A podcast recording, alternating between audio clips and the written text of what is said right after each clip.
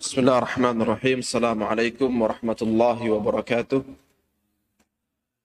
إن الحمد لله نحمده ونستعينه ونستغفره ونتوب إليه ونعوذ بالله من شرور أنفسنا وسيئات أعمالنا من يهد الله فلا مضل له ومن يضلل فلا هادي له أشهد أن لا إله إلا الله وحده لا شريك له وأشهد أن محمدا عبده ورسوله وخليله وصفيه Salawatu Rabbina wa salamuhu alaihi wa ala alihi wa ashabihi wa man sara ala nahjihi ila yaumi liqaihi amma ba'du. Alhamdulillah Rabbil Alamin Kita bersyukur kepada Allah Subhanahu Wa Taala. Alhamdulillah Allah berikan kepada kita nikmat iman, nikmat Islam Nikmat yang wajib untuk kita syukuri Jamaah Barakallahu Fikum Pada kajian kali ini kita akan membahas dari kitab Bulughul Maram hadis-hadis yang berkaitan dengan sujud tilawah kemudian hadis yang berkaitan dengan sujud syukur. Jamaah barakallahu fikum. Sebelum kita baca hadis-hadis dari kitab Bulughul Maram, ingin saya sampaikan yang berkaitan dengan sujud tilawah. Sujud tilawah yaitu ketika ada perintah sujud di ayat-ayat Al-Qur'an. Ketika ada perintah sujud di ayat-ayat Al-Qur'an, maka kita di maka kita sujud. Sekarang pertanyaannya apa hukumnya sujud tilawah? Sujud tilawah kata Imam Malik, Imam Syafi'i dan Imam Ahmad hukumnya adalah sunnah. Adapun kata Imam Abu Hanifah, sujud tilawah hukumnya adalah wajib ketika meninggalkan sujud tilawah maka hukumnya dosa. Telah berbuat yang haram, meninggalkan yang wajib. Kemudian ada berapa jumlah ayat yang menunjukkan kepada sujud tilawah. Gampangnya, yang ada tanda sujud di Al-Quran. Ketika ketika baca. Nah, tapi pada hakikatnya jamaah, kata Imam Syafi'i, sujud tilawah ada 14.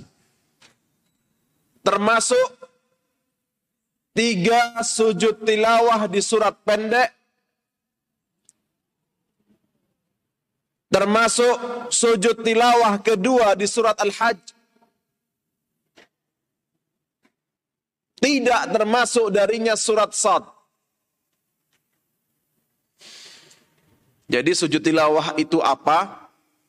Itu juga yang mana itu ada perbedaan pendapat ulama. Sujud tilawah kata Imam Syafi'i ada 14. Kata Imam Abu Hanifah juga 14. Tapi 14 Imam Syafi'i sama Imam Abu Hanifah beda.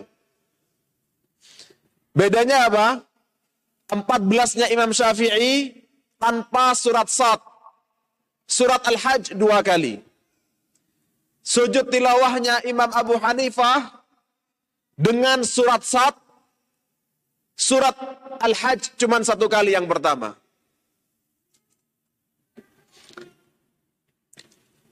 Sujud tilawahnya Imam Ahmad ibn Hanbal ada riwayat 15 kali dengan surat Sad dan juga dengan surat Al-Hajj ayat yang kedua.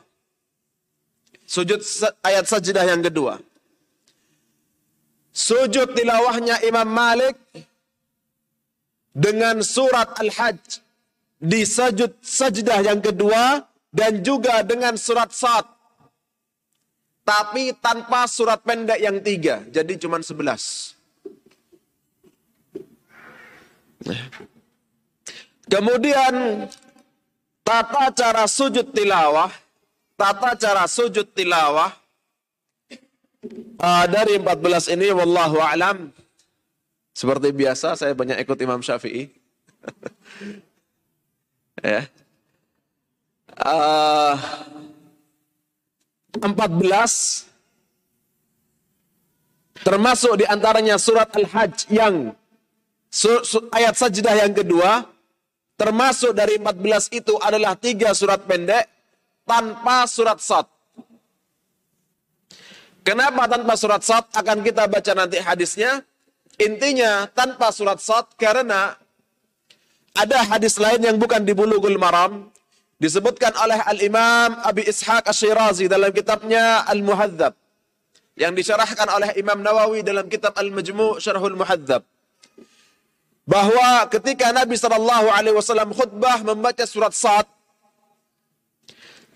sahabat-sahabat ridwanullah alaihim bersiap-siap untuk sujud.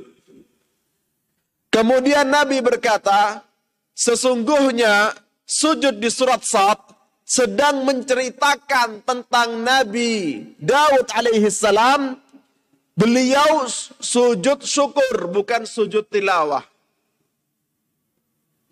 Tapi karena kalian wahai para sahabat-sahabatku telah bersiap-siap untuk sujud untuk sujud, maka Nabi kemudian turun dari mimbarnya dan sujud bersama sahabat-sahabat.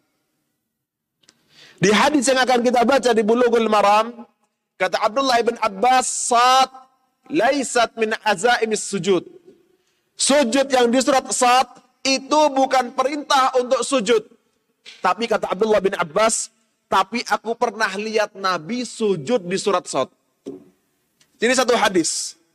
Ini di satu hadis. Kata Abdullah bin Abbas apa? bahwa ayat sajdah di surat Sot bukanlah termasuk dari ayat sajdah. Tidak diperintahkan untuk sujud. Koma. Tapi aku pernah melihat Nabi sujud di surat Sot. Ya. Dari hadis ini kata Imam Ahmad bin Hambal ini ayat sajdah. Tapi kata Imam Syafi'i laisat min azaimis sujud sesuai dengan riwayatnya Abdullah bin Abbas bukan dari ayat sujud. Apakah sujud? Apakah sujud? Sujud syukur bukan sujud sajdah. Kemudian barakallahu fikum. Jadi dalam surat Sad, wallahu a'lam bukan termasuk dari ayat sajdah, tapi ayat syukur. Karena yang sujud di sana menceritakan tentang Nabi Daud alaihi salam dan beliau sujud karena bersyukur kepada Allah. Bukan karena Allah memerintahkan untuk bersujud. Kemudian pembahasannya juga kalau sujud ketika sholat, sujud ketika sholat, sujud di surat Sad. Sujud di surat Sad. Sholatnya sah atau tidak? Wallahu a'lam semoga tetap sah. Dan ini satu pendapat dalam madhab syafi'i. Ada dua pendapat. Satu pendapat mengatakan tidak sah. Taib jamaah. Itu intermezzo dalam uh, sujud tilawah. Bagaimana dengan sujud syukur? Kalau sujud syukur, kata Imam Syafi'i dan Imam Ahmad, hukumnya adalah sunnah. Kata Imam Malik, Kata Imam Malik, La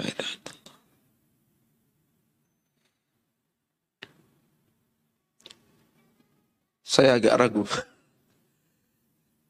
Imam Malik sama Imam Abu Hanifah. Uh, Imam Abu Hanifah haram. Imam Malik punya dua riwayat. Satu riwayat mengatakan makruh, satu riwayat mengatakan haram tidak ada syariatnya sujud syukur. Eh, ada orang diam-diam nggak tahu siapa ngirim mobil Innova Ribbon. Ah, terus kita sujud syukur nggak nih? Ini nikmat yang mendadak terang-terangan. Eh. Kata Imam Abu Hanifah haram, tidak ada sujud syukur dalam Islam. Kata Imam Malik dalam satu riwayat haram, satu riwayat makruh. Kata Imam Syafi'i dan Imam Ahmad, sunnah sujud syukur.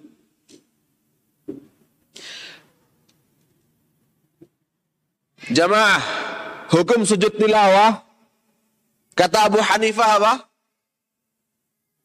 Wajib sujud tilawah bukan sujud syukur.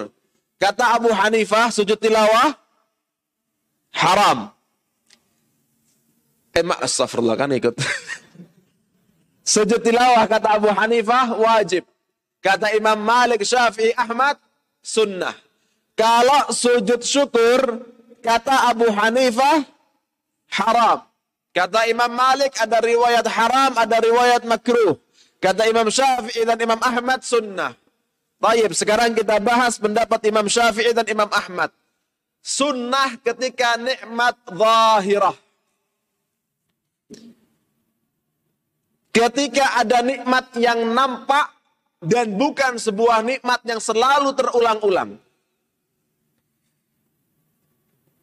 Bukan nikmat yang setelah melaksanakan amal ketaatan. Contohnya maksud dari nikmat yang nampak dan itu jarang-jarang atau dadakan atau yang kita harapkan. Contohnya misalnya istri lahiran. Kita punya anak, anak kita sehat, istri kita lahiran sehat. Kita sujud syukur kepada Allah Subhanahu wa taala. Contoh misalnya ujian yang sangat menegangkan kemudian naik kelas atau lulus dari sekolah.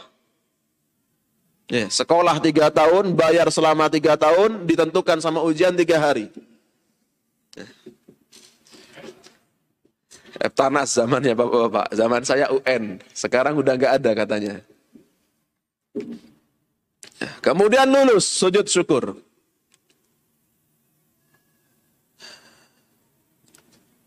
Nikmatnya nampak.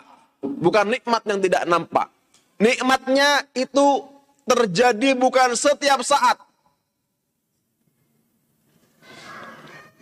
Contoh yang tidak disyariatkan sujud syukur apa? Setiap kali datang tepat waktu sujud syukur. Hah?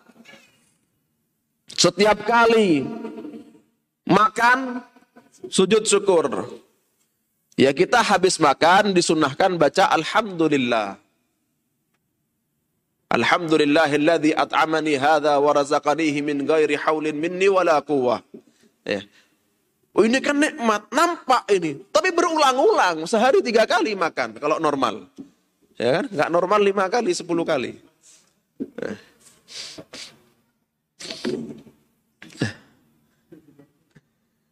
Terus sujud syukur. Ini ini kata Imam Syafi'i dan Imam Ahmad tidak disunnahkan. Contoh yang banyak terjadi kesalahan. Sujud setelah sholat selesai.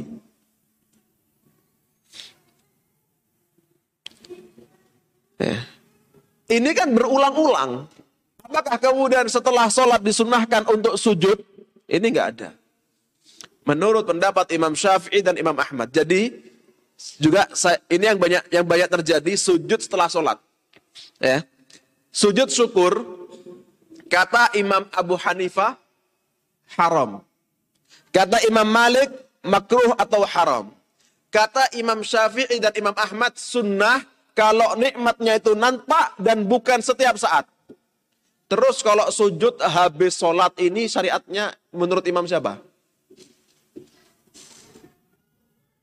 Ya, ter, yang yang kita tahu banyak ilmu sampai kepada kita empat madhab. Tapi saya nggak tahu, wallahu alam kalau ada madhab yang lain mengatakan sujud setelah salat.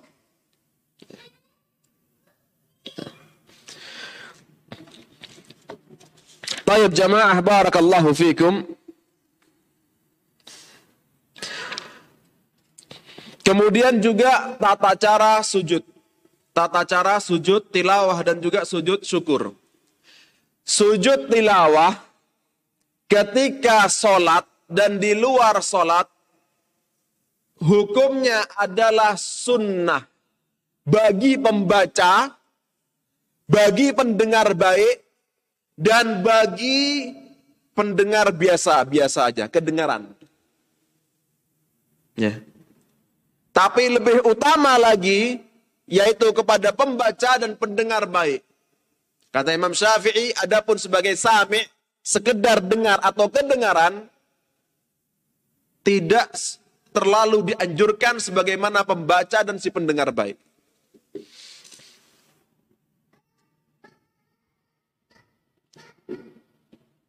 Misalnya ada yang salat qiyamul lail baca surat As-Sajdah. Baca surat Al-Hajj.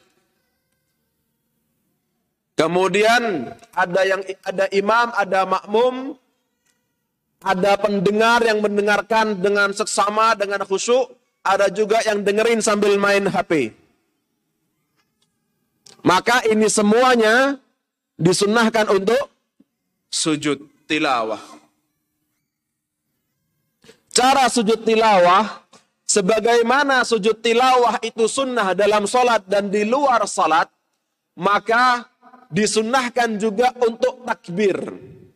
Disunahkan juga untuk takbir. Dalam solat ketika mau pindah dari satu gerakan kepada gerakan yang lain, itu ada takbir. Mau rukuk, takbir. Bangun dari rukuk sami Allahu liman hamidah. Mau sujud bangun dari sujud takbir. Sebagaimana itu dan juga dalam hadis disebutkan kabar bahwa Nabi bertakbir ketika mau sujud sujud tilawah. Maka disyariatkan ya, disyariatkan untuk takbir. Ketika lagi sholat baca ayat sajdah. Allahu Akbar baru sujud. Mau bangun, Allahu Akbar, berdiri. Sebagaimana sujud tilawahnya adalah sunnah, maka takbir untuk sujud dan takbir untuk bangun dari sujud juga lah sunnah. Ketika dalam salat. Nah. Kemudian sujud tilawah di luar salat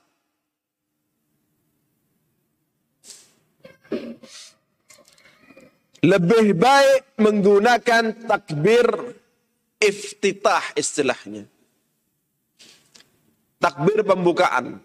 Sebagaimana riwayat Umar bin Khattab dan riwayat sahabat yang lainnya, Nabi ketika sujud beliau kabar, beliau bertakbir. Takbir apa ini? Disebut kata kata kata ulama Syafi'iyah takbir iftitah. Tak apa iftitah artinya? Pembukaan, ya. Terkadang ada di dalam kitab disebutkan takbiratul ihram, tapi bukan maksudnya takbiratul ihram, takbir iftitah, yaitu lagi baca Quran, kemudian baca ayat sajdah, ayat sujud. Maka berdiri, eh, lagi duduk ini, berdiri, Allahu Akbar, kemudian Allahu Akbar lagi untuk sujud. Kemudian salam. Ya, nanti kita baca hadisnya. Ada hadis-hadis yang menjelaskan tentang takbir dan juga salam untuk ayat sajdah. Dan sujud tilawah sama seperti sujud eh, maaf, sujud syukur sama seperti sujud tilawah.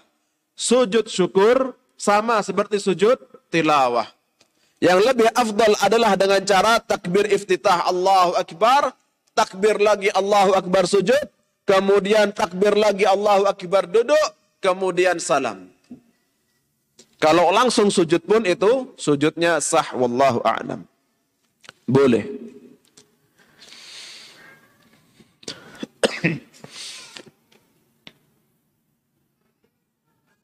Naam jamaah, ada hadis yang belum kita baca yang kaitannya dengan sujud sahwi. Hadis yang keenam dari Mughirah bin Syu'bah radhiyallahu anhu, anna Rasulullah sallallahu alaihi wasallam qala idza syakka ahadukum faqama fi raq'ataini fastatamma qa'iman falyamdi wal yasjud sajdatain. Fa in lam yastatimma qa'iman falyajlis wala sahwa alaihi rawahu Abu Dawud wa Ibnu Majah wa Daruqutni wal lafdhu lahu bi sanadin dha'if dari Mughirah ibn Syu'bah radhiyallahu anhu bahwa Nabi sallallahu alaihi wasallam berkata apabila salah seorang di antara kalian ragu kemudian bangun dari rokaat kedua tanpa sujud sah, eh, tanpa tasyahud. Kemudian bangun, fastatamma iman dalam keadaan sudah tegak, sudah tegak berdirinya. Falyamdi wal yasjud sajdatain. Maka lanjutkanlah berdirinya dan jangan dan jangan kembali tasyahud, tapi lanjutkan berdirinya kemudian nanti di akhir sujud dua kali sujud sahwi. Fa in lam yastatimma qa'iman falyajlis wala sahwa alaihi. Kalau belum sempurna berdirinya, maka duduklah. Dan tidak usah sujud sahwi. Tapi nggak usah sujud sahwi di sini ketika keadaannya 50% atau kurang. Bukan 50% ke atas berdirinya. Maksudnya baru baru mau bangun, baru 20% bangunnya, ingat, oh tasyahud. Itu nggak usah sujud sahwi. Baru 40% bangunnya, oh tasyahud. Duduk lagi nggak usah sujud sahwi. Tapi kalau udah seperti ini, maksudnya bungkuk, tinggal setinggal dikit lagi, ya baru ingat, langsung tasyahud, boleh. Tetap sujud sahwi. Ya, karena sudah lebih dekat kepada berdiri. Kalau lebih dekat kepada duduk, nggak usah sujud sahwi. Kalau lebih dekat kepada berdiri, maka sujud sahwi. Hadis ini sebagian ulama membaifkannya, termasuk Ibnu Hajar al-Asqalani dan sebagian ulama ulama lain mensahihkan atau menghasankan hadis ini. Kemudian di hadis yang ketujuh kata Umar radhiyallahu anhu عن النبي صلى الله عليه وسلم قال ليس على من خلف الإمام سهو فإن سهى الإمام فعليه وعلى من خلفه Kata Nabi Shallallahu Alaihi Wasallam, makmum itu kalau lupa, imamnya nggak lupa, makmumnya lupa, makmum nggak usah sujud sahwi sendiri, karena sujud sahwi dalam sholat jamaah itu apabila yang lupa adalah imam. Kalau imamnya lupa, maka imam sujud sahwi, makmumnya harus ikut imam.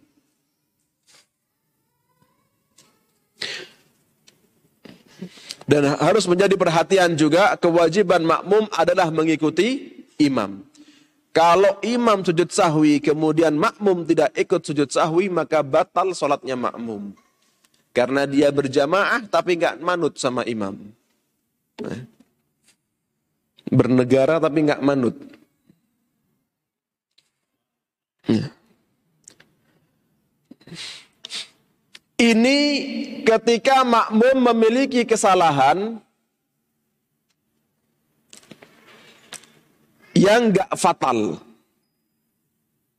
Ketika makmum memiliki kesalahan yang gak fatal. Ya. Contoh, bapak-bapak banyak mengikuti banyak mengikuti pendapat Allahu Akbar mau rukuk sampai Allah liman hamidah bangun dari rukuk termasuk kata Imam Ahmad apa? Kewajiban salat. Ya. Kemudian imamnya benar, mengat, imamnya benar Allahu akbar ruku, sami Allahu liman hamidah, bangun dari ruku. Tapi makmumnya ini, makmumnya gak baca Allahu akbar, gak baca sami Allahu liman hamidah. Atau waktunya baca Allahu akbar, bacanya sami Allahu liman hamidah. Waktu baca sami Allahu liman hamidah, bacanya Allahu akbar. Kan? Tuh, ya. Maka yang seperti ini makmum tidak usah sujud sahwi. Apalagi sujud sahwi sebelum imam salam. Kesalahan besar. Tidak perlu juga sujud sahwi setelah imam salam.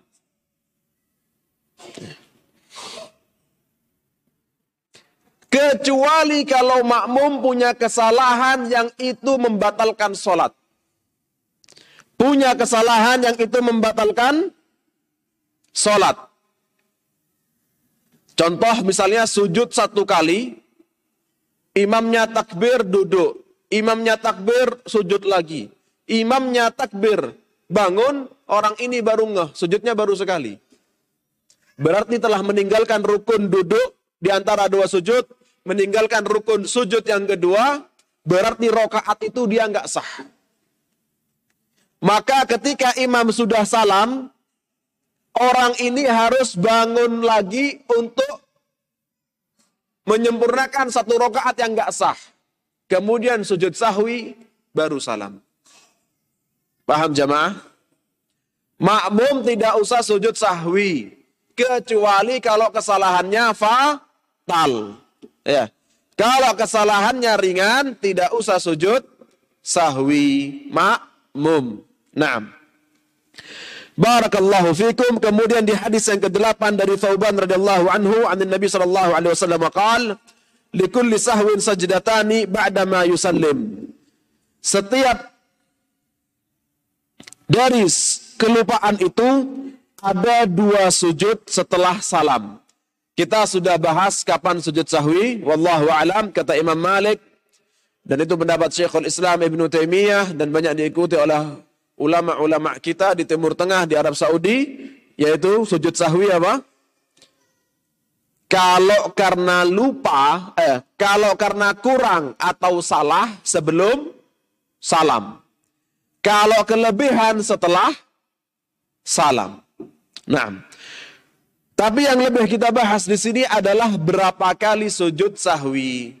Dalam hadis ini disebutkan sujud sahwi adalah dua kali sujud, bukan satu kali sujud. Sudah lupa sujud sahwi, sujud sahwinya cuma satu kali, habis sujud sahwi baca tasyahud. Ya, Pak. Banyak masalah hidupnya. Baik, kemudian di hadis yang ke-9 wa an Abi Hurairah radhiyallahu anhu qaal sajadna ma'a Rasulillah sallallahu alaihi wasallam fi idza as-sama'u syaqqat waqra bismi rabbik rawahu Muslim. Hadis yang diriwayatkan oleh Imam Muslim dari Abu Hurairah radhiyallahu anhu beliau berkata kami telah sujud bersama Rasulullah sallallahu alaihi wasallam pada surat Insyiqaq idza as-sama'u syaqqat waqra bismi rabbik. Ya, Al-Alaq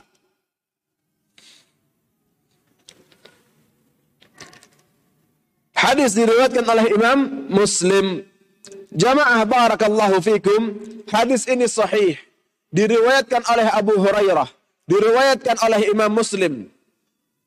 Menunjukkan sujudnya para sahabat bersama Rasulullah Sallallahu Alaihi Wasallam di surat-surat pendek.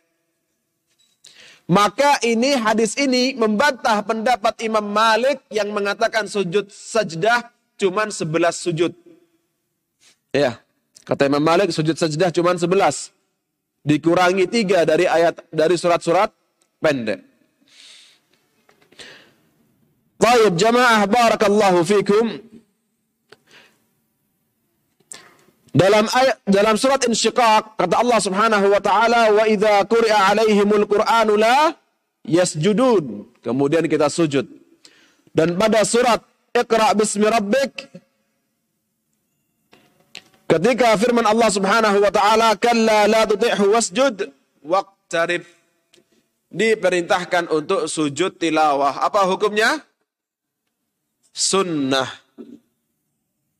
Jumhur ulama sunnah. Malik Syafi'i, Ahmad. Kata Abu Hanifah, wajib sujud tilawah.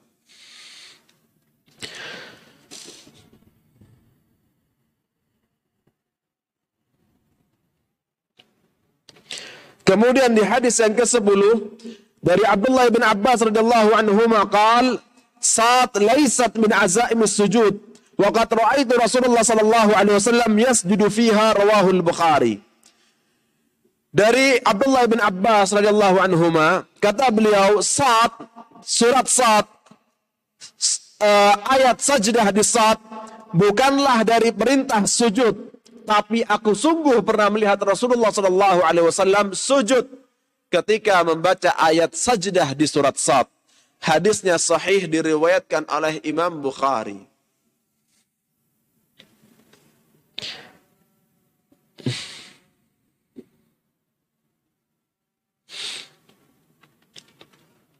Nah, ini sudah kita bahas. Sad bukan dari ayat sujud. Dan sebagaimana riwayat lain dari Umar bin Khattab radhiyallahu anhu, kata beliau Nabi wasallam berceramah di atas mimbar membaca surat Sad ada ayat sajdah, para sahabat bersiap-siap untuk sujud, tapi ternyata Rasulullah tidak sujud. Kemudian Rasulullah berkata, surat Sad ayat sajdah dalam surat Sad tidak diperintahkan untuk sujud sesungguhnya itu sujud syukur bukan sujud tilawah. Itu sujud syukur bukan sujud tilawah. Kata Abdullah bin Abbas, sungguh aku pernah melihat Rasulullah sujud di surat Sad. Yaitu dijelaskan pada hadisnya Umar bin Khattab ketika Nabi Shallallahu Alaihi Wasallam berkata, aku telah melihat kalian bersiap-siap untuk sujud. Kalau begitu, marilah kita sujud dan Nabi sujud bersama sahabat-sahabat. Ya. Tapi tidak diperintahkan untuk su sujud. Tapi Nabi pernah sujud. Eh, tidak diperintahkan, tapi Nabi pernah sujud di surat Sot. Oleh karenanya pendapat yang kuat, wallahu a'lam dalam madhab syafi'i, pendapat yang terkuat, surat Sot bukan ayat sajdah, tapi kalau sujud di surat Sot, salatnya sah. Eh, surat Sot bukan ayat sajdah, tapi kalau sujud di surat Sot, salatnya sah. Karena Nabi mengatakan surat Sad bukan ayat sajdah, tapi Nabi pernah sujud di surat Sad. Wallahu a'lam bissawab. Kemudian di hadis yang ke-11, wa anhu radhiyallahu anhu anna Nabi sallallahu alaihi wasallam sajada bin najmi rawahul Bukhari. Dan juga dari Abdullah bin Abbas radhiyallahu anhu hadis sahih diriwayatkan oleh Imam Bukhari bahwa Nabi sallallahu alaihi wasallam sujud di surat An-Najmi.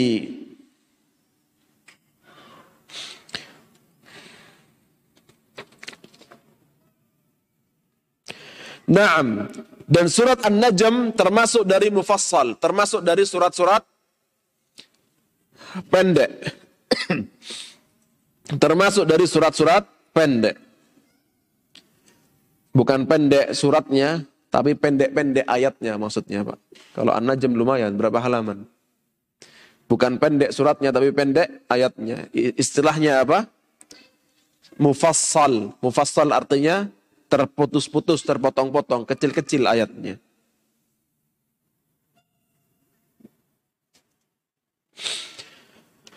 Kemudian jamaah, barakallahu fikum.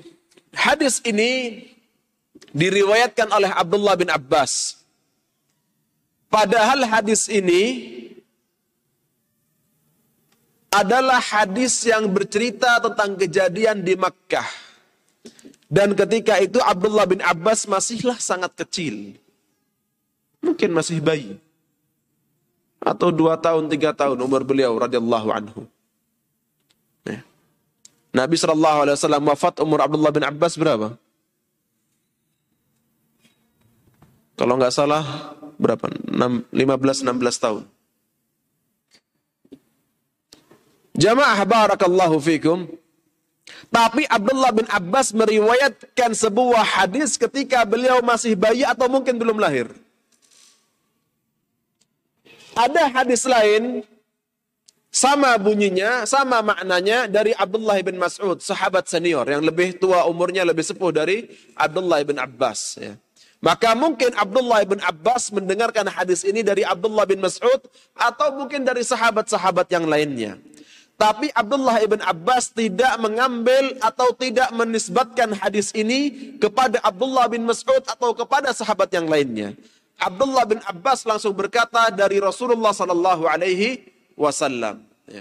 Maka ketika sahabat menghapus ketika sahabat kecil menghapus sanat nama dari sahabat senior, dari sahabat sepuh, itu tidak mendaifkan hadis yang beliau sampaikan.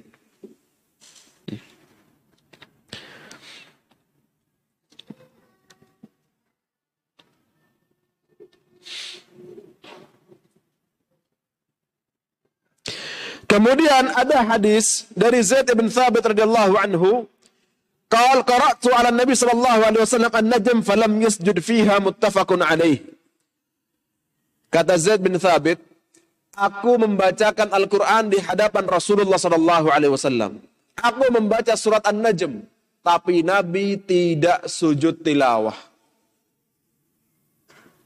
Hadisnya sahih diriwayatkan Imam Bukhari dan Imam Muslim. Jamaah barakallahu fikum. Maksud dari hadis ini bukan tidak disyariatkan sujud tilawah. Maksud hadis ini bukan tidak disyariatkan sujud tilawah di surat An-Najm. Tapi maksud dari hadis sahih ini bahwa sujud tilawah hukumnya sunnah. Laksanakan, lakukan. Tapi kalau anda tidak melaksanakannya nggak apa-apa. Ya. Nabi tidak sujud tilawah di surat An-Najm. Hadisnya Sahih Bukhari dan Sahih Muslim. Bukan maksudnya tidak ada sunnah sujud tilawah, tapi sujud tilawah itu tidak wajib. Hukumnya adalah sunnah. Kemudian di hadis yang ke-13 wa an Khalid bin Ma'dan radhiyallahu anhu qala فضلت سورة الحج بسجدتين. رواه أبو داود في المراسيل ورواه أحمد والترمذي موصولا من حديث عقبة بن عامر رضي الله عنه وزاد فمن لم يسجدهما فلا يقرأهما وسنده ضعيف. خالد بن معدان رضي الله عنه Beliau berkata, surat Al-Hajj memiliki fadilah. Karena di dalamnya ada dua kali ayat sajdah. Surat yang lainnya nggak ada ayat sajdah. Surat yang lainnya kalau ada ayat sajdah satu kali. Tapi surat Al-Hajj memiliki ayat sajdah dua kali. Hadis ini diriwayatkan oleh Abu Dawud dalam Marasil. yakni hadisnya mursal. Diriwayatkan oleh Imam Ahmad dan Tirmidzi juga tapi dari sahabat yang lain yaitu Uqbah ibn Amir ada tambahan. Barang siapa yang tidak sujud di surat Al-Hajj maka jangan baca surat Al-Hajj. Tapi hadisnya dhaif. Tapi hadisnya dhaif. Jadi hadis ini bukan berarti jangan baca surat Al-Hajj kalau nggak bisa sujud. Tapi tetaplah baca surat Al-Hajj meskipun tidak sujud. Jamaah barakallahu fikum. Kemudian di hadis yang ke-14 wa an Umar radhiyallahu anhu qal Ayyuhan nas inna namurru bis sujudi faman sajada faqad asaba wa man lam yasjud fala ithma alayhi rawahu al-Bukhari wa fihi anna Allah lam yafrid as-sujuda illa an nasha wa huwa fil muwatta' Dari Umar bin Al-Khattab radhiyallahu anhu beliau berkata, "Wahai manusia." Ini yang berbicara siapa? Umar bin Khattab. Kata beliau, "Wahai segenap manusia, sesungguhnya kita sering melewati ayat-ayat sajdah. Kita sering membaca ayat-ayat sajdah. Maka barang siapa yang ingin bersujud di ayat sajdah telah berbuat yang benar dan barang siapa yang tidak sujud di ayat sajdah, tidak ada dosanya. Diriwayatkan oleh Imam Bukhari. Dan ada tambahan, Allah lam yafridi sujud illa an nasya.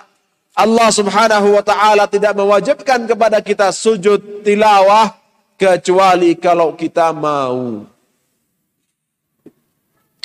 Jamaah barakallahu fikum.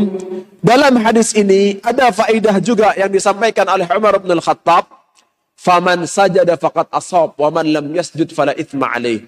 Yang sujud telah berbuat yang benar, yang bagus. Yang enggak sujud tilawah tidak ada dosanya. Dan seperti itulah seluruh sunnah. Ahlu sunnah wal jamaah adalah orang-orang yang senantiasa berusaha melaksanakan sunnah-sunnah Nabi Muhammad sallallahu alaihi wasallam.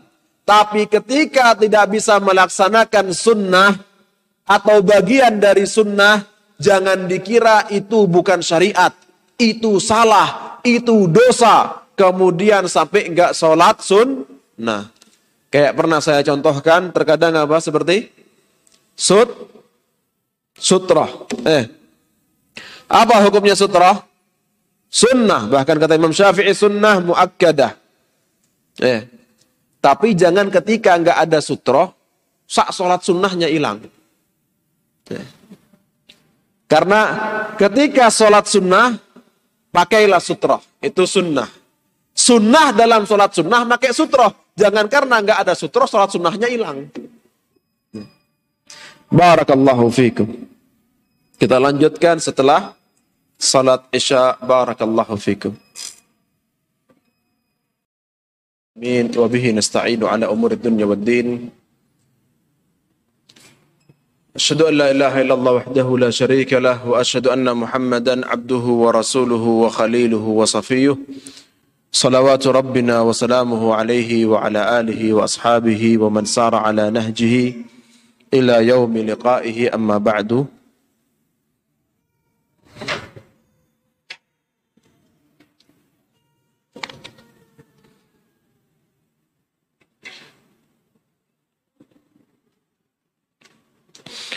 Nah, jamaah di hadis yang ke-15 nanti di akhir ingatkan saya untuk membahas hukum bersuci dan menutup aurat ketika sujud tilawah dan sujud syukur. Naam. Hadis yang ke-15 dari Abdullah bin Umar radhiyallahu anhuma قال كان النبي صلى الله عليه وسلم يقرأ علينا القرآن فإذا مر بسجدة كبر وسجد وسجدنا معه Rawahu Abu Dawud bisana dan. Dari Abdullah bin Umar, beliau berkata bahwa Nabi Shallallahu Alaihi Wasallam membaca kepada kami Al-Quran. Ketika beliau membaca ayat sajdah, beliau takbir, kemudian beliau sujud dan kami sujud bersama Rasulullah Shallallahu Alaihi Wasallam. Dan yang dimaksud dengan takbir di sini adalah takbir intiqal dan juga takbir iftitah. Yang dimaksud dengan takbir di sini adalah takbir intiqal dan takbir iftitah. Apa takbir iftitah? Di luar solat Allahu Akbar dulu seperti takbiratul ihram, kemudian Allahu Akbar lagi berpindah dari berdiri ke sujud. Naam. Dan ini pendapat jumhurul ulama ya. Jadi takbir takbir dulu itu itu pendapat jumhurul ulama dari kalangan Hanafiyah, Malikiyah, Syafi'iyah dan Hanabilah takbir eh, seperti takbiratul ihram. Anggap gampangnya kalau takbir iftitah ini apa istilah baru. Anggap sudah takbiratul ihram. Ya. Itu pendapat jumhurul ulama takbiratul ihram, kemudian takbir intiqal, baru sujud, kemudian takbir lagi, duduk, kemudian salam. Wasajatna ma'ahu. Kemudian di hadis yang ke-16 kata Abu Bakar radhiyallahu anhu, "Anna Nabi sallallahu alaihi wasallam kana idza ja'ahu amrun yasurruhu kharra sajidan lillah." Bahwa Nabi sallallahu alaihi wasallam apabila mendapati sebuah hal yang membahagiakan beliau ters, beliau menyungkur beliau sujud kepada Allah Subhanahu wa taala. Nah, ini bahas mulai masuk hadis tentang sujud syukur ya. Sujud syukur itu kapan? Ketika dua. Mendapatkan nikmat atau terhindar dari bala. Mendapat nikmat atau terhindar dari bala. Ada kecelakaan di samping kita, kita selamat. Eh. Yang kena kecelakaan, ya Allah, nggak ada umur atau bagaimana. Eh. Allah beri kita selamat. Sujud syukur, terhindar dari musibah.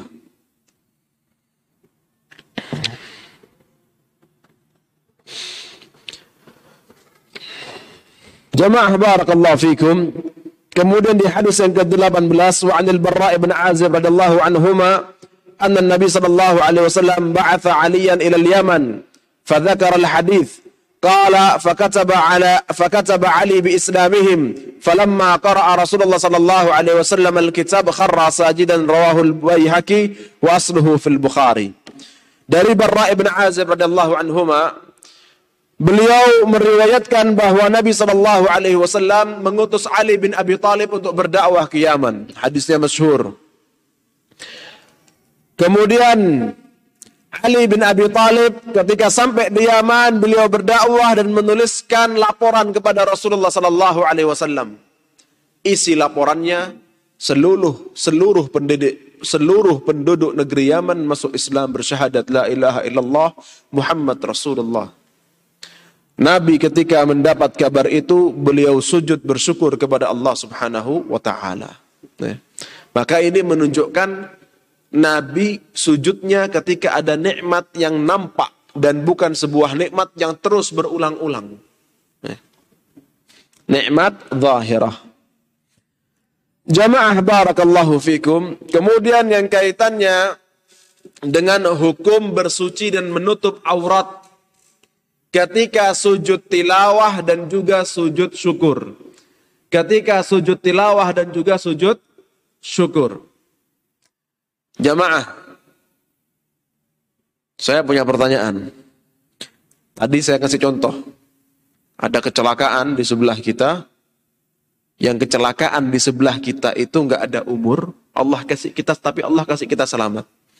Maka di sini disunahkan untuk sujud syukur.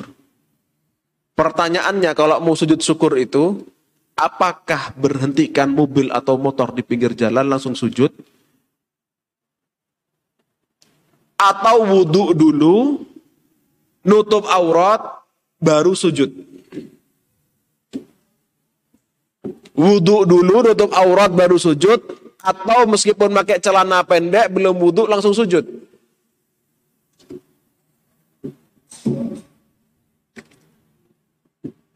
ketika membaca ayat sajdah lagi tilawah Al-Quran Ramadan biasanya khatmil Quran Masya Allah khatmil Quran Ramadan baca ayat sajdah bapak-bapak pakai celana pendek baca Quran kurang baik tapi boleh baca Quran pakai celana pendek atau ibu-ibu pakai daster gak pakai kerudung bapak ibu ini baca Quran sama-sama ada aurat yang tersingkap, sama-sama nggak punya wudhu. Baca ayat sajdah. Apakah dianjurkan, bagaimana sujudnya? Apakah langsung sujud? Atau nutup atau wudhu dulu, nutup aurat baru sujud? Wudhu enggak Pak?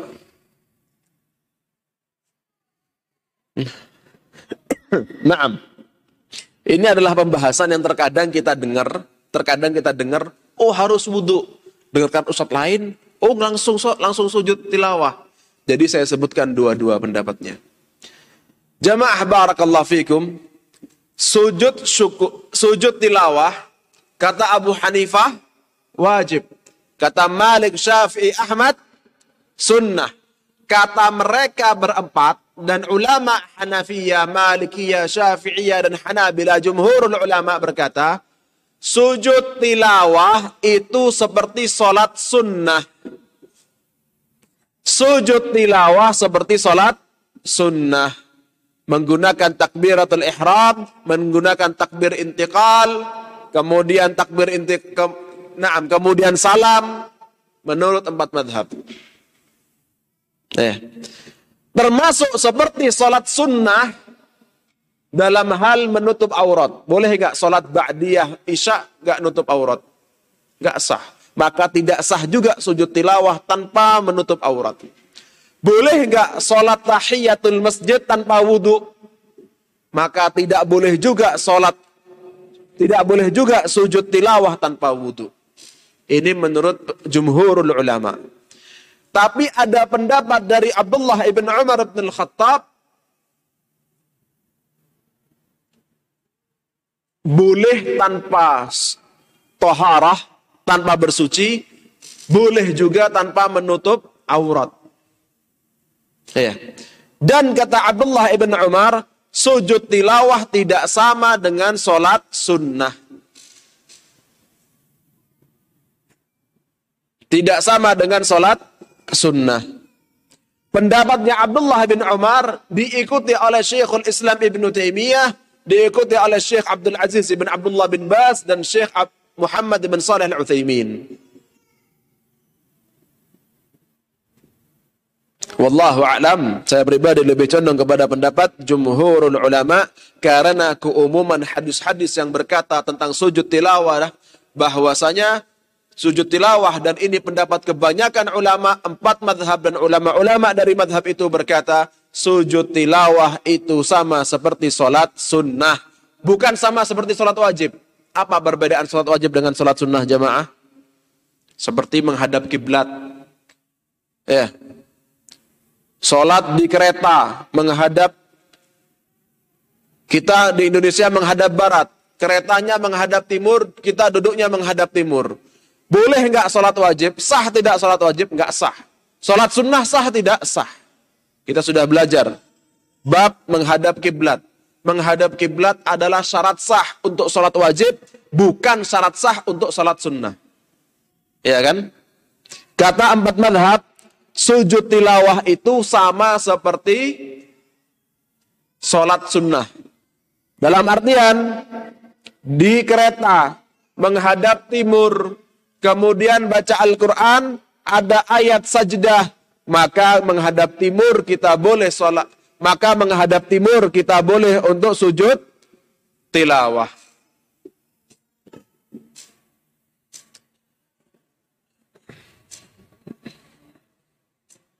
Barakallahu fikum. Adapun hadis yang di menjadi menjadi dalil bagi Abdullah bin Umar yang diikuti oleh Syekhul Islam Ibn Taimiyah, Ibn Bas, Ibn Uthaymin di antaranya dalil di surat An-Najmi tadi. Di surat An-Najmi tadi itu suratnya kan Makkiyah. Dan ketika itu ada peristiwa seluruh manusia kaum muslimin semuanya sujud.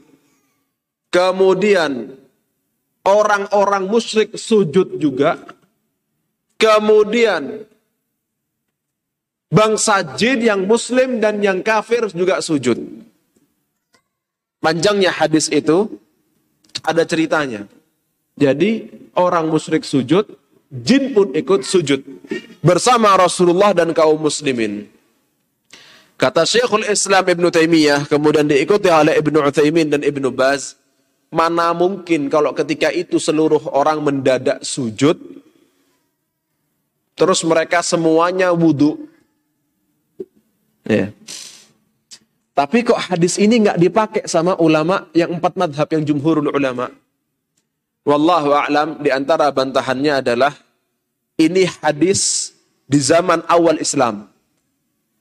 Bukan di zamannya syariat, di zamannya Madinah. Kemudian di hadis ini disebutkan orang musyrik dan jin musyrik, jin kafir juga sujud. Ya. Dan kata ahli sejarah disebutkan orang musyrik itu seakan-akan seperti terbawa suatu hal seperti terpaksa sujud. Ya. Ada perka ada dalam sejarah ini disebut juga. Ada perkataan lain karena di sana menyebut Lata wal Uzza mereka salah paham atau bagaimana. Ya. Tapi juga bantahannya adalah di sana orang musyrik sujud. Orang musyrik sujud. Ya. Maka hadis ini tidak berkata tentang sah atau tidaknya sujud tilawah. Tapi hadis ini tentang sedang menggambarkan bagaimana Allah Subhanahu wa taala menjadikan seluruh kaum muslimin, jin yang muslim, yang musyrik, manusia yang muslim dan musyrik semuanya sujud kepada Allah Subhanahu wa taala. Dan dari hadis ini juga kemudian ada kisah di Habasyah yang pertama, kemudian mereka pulang ke Mekah karena mendengar kalau orang-orang Islam, kalau orang-orang musyrik sudah sujud. Iya sujud, tapi nggak masuk Islam. Maka ketika mereka datang ke Mekah, dapat kabar katanya sudah sujud semua, ternyata ia sujud tapi nggak masuk Islam. Yang lemah-lemah mereka sudah pergi ke Habasyah, pulang ke Mekah, kembali di azab oleh pemimpin-pemimpin Mekah. Nah, jadi hadis ini kata kata jumhurul ulama, hadis ini bukan bukan membicarakan tentang hukum sahnya wudhu atau tidak. Tapi ini di awal Islam dan menceritakan bagaimana Allah Subhanahu wa taala menjadikan seluruh manusia dan jin sujud. Eh. Kalau berkata berarti kalau misalnya dikatakan hadis ini kalau dikatakan ya, hadis ini ada orang musyrik sujud. uh, maaf, hadis ini menyebutkan orang-orang Islam semuanya langsung sujud. Maka nggak mungkin orang Islam itu wudhu dulu kemudian sujud. Hadisnya kan mengatakan semuanya langsung sujud. Pasti di antara mereka ada yang punya wudhu, ada yang nggak punya wudhu. Nggak mungkin semuanya punya wudhu. Dibantah. Hadis ini bukan bercerita tentang wudhu atau tidak. Sekarang kalau misalnya Anda mengatakan tanpa wudhu itu sah sujud tilawah, maka katakanlah juga sujudnya orang musyrik, jin musyrik itu sah. Kan nggak sah. Apakah sah? Apakah diterima sujud dari orang musyrik, dari jin musyrik? Eh. Wallahu a'lam bisawab. Ada pertanyaan silahkan jemaah.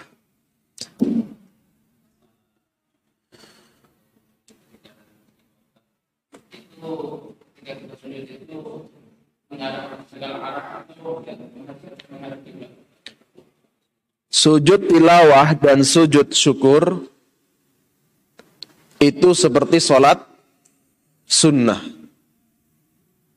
Dalam hal kiblat berarti harus menghadap kiblat. Tapi kalau nggak bisa menghadap kiblat, maka sujud tilawah dan sujud syukurnya sah.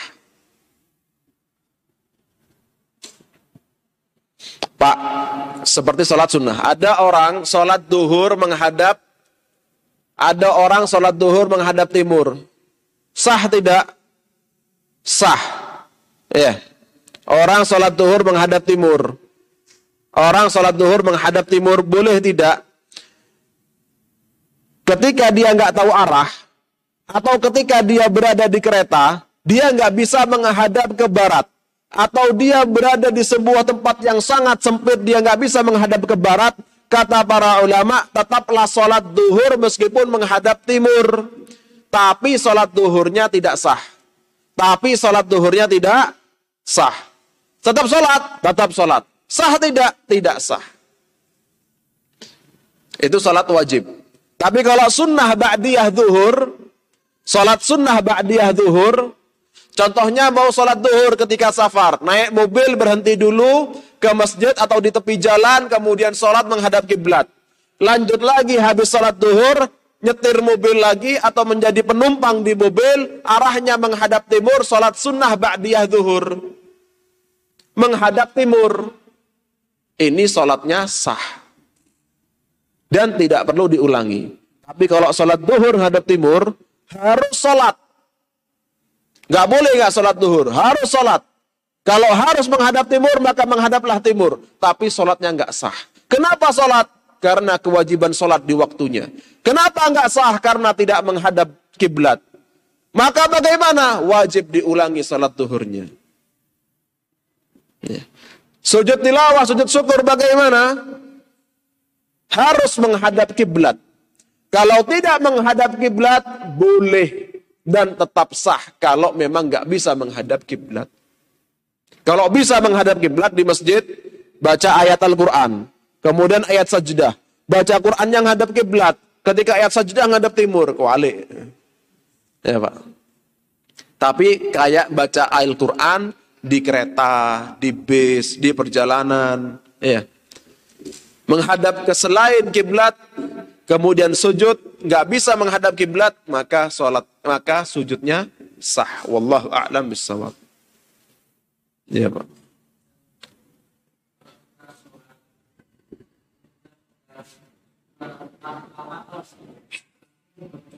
Al-alaq. Al-alaq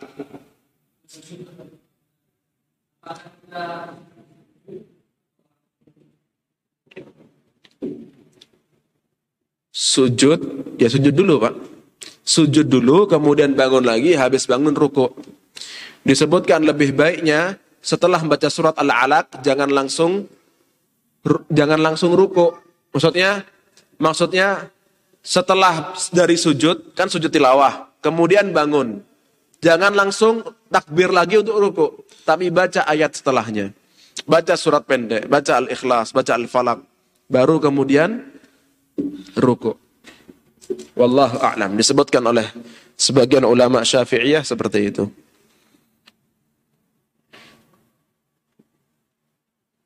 Ada pertanyaan?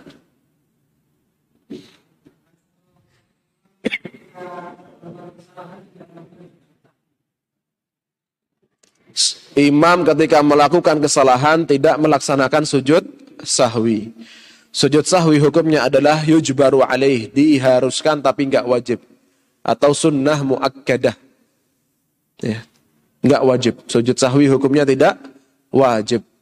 Tapi kalau kemudian lupa sujud sahwi, kalau lupa sujud sahwi, sebelum salam, maka disunnahkan untuk sujud sahwi setelah salam. Wallahu a'lam.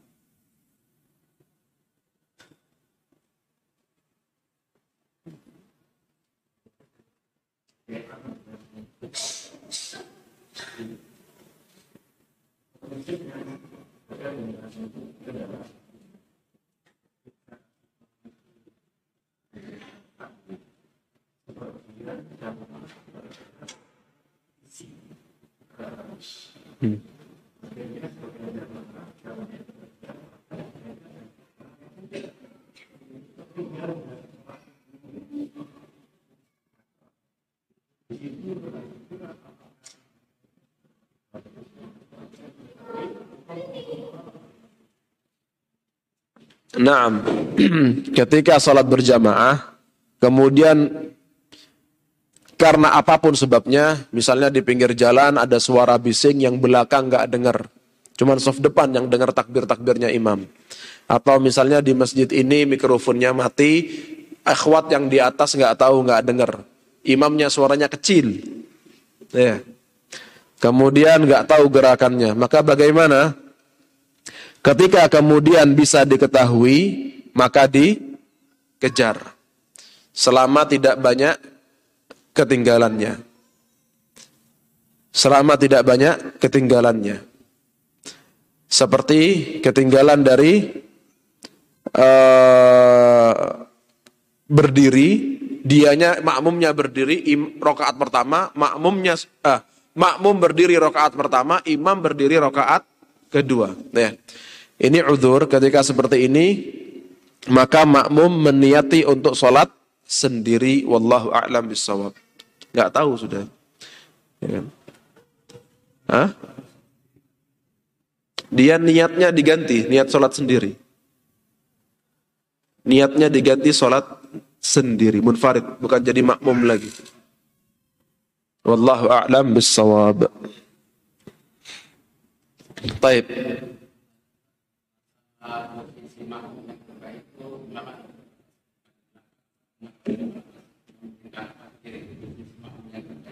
Nah, posisi makmum terbaik sebelah kanan kalau masih seimbang.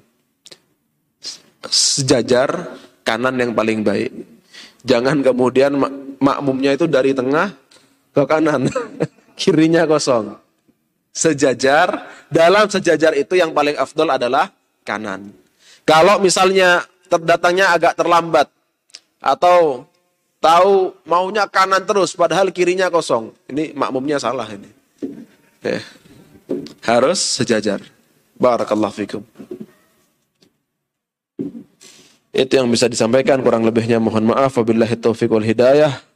Kita tutup dengan doa kafaratul majlis. Subhanakallahumma bihamdika asyhadu an la ilaha illa anta astaghfiruka wa atubu ilaik. Tsumma assalamu alaikum warahmatullahi wabarakatuh.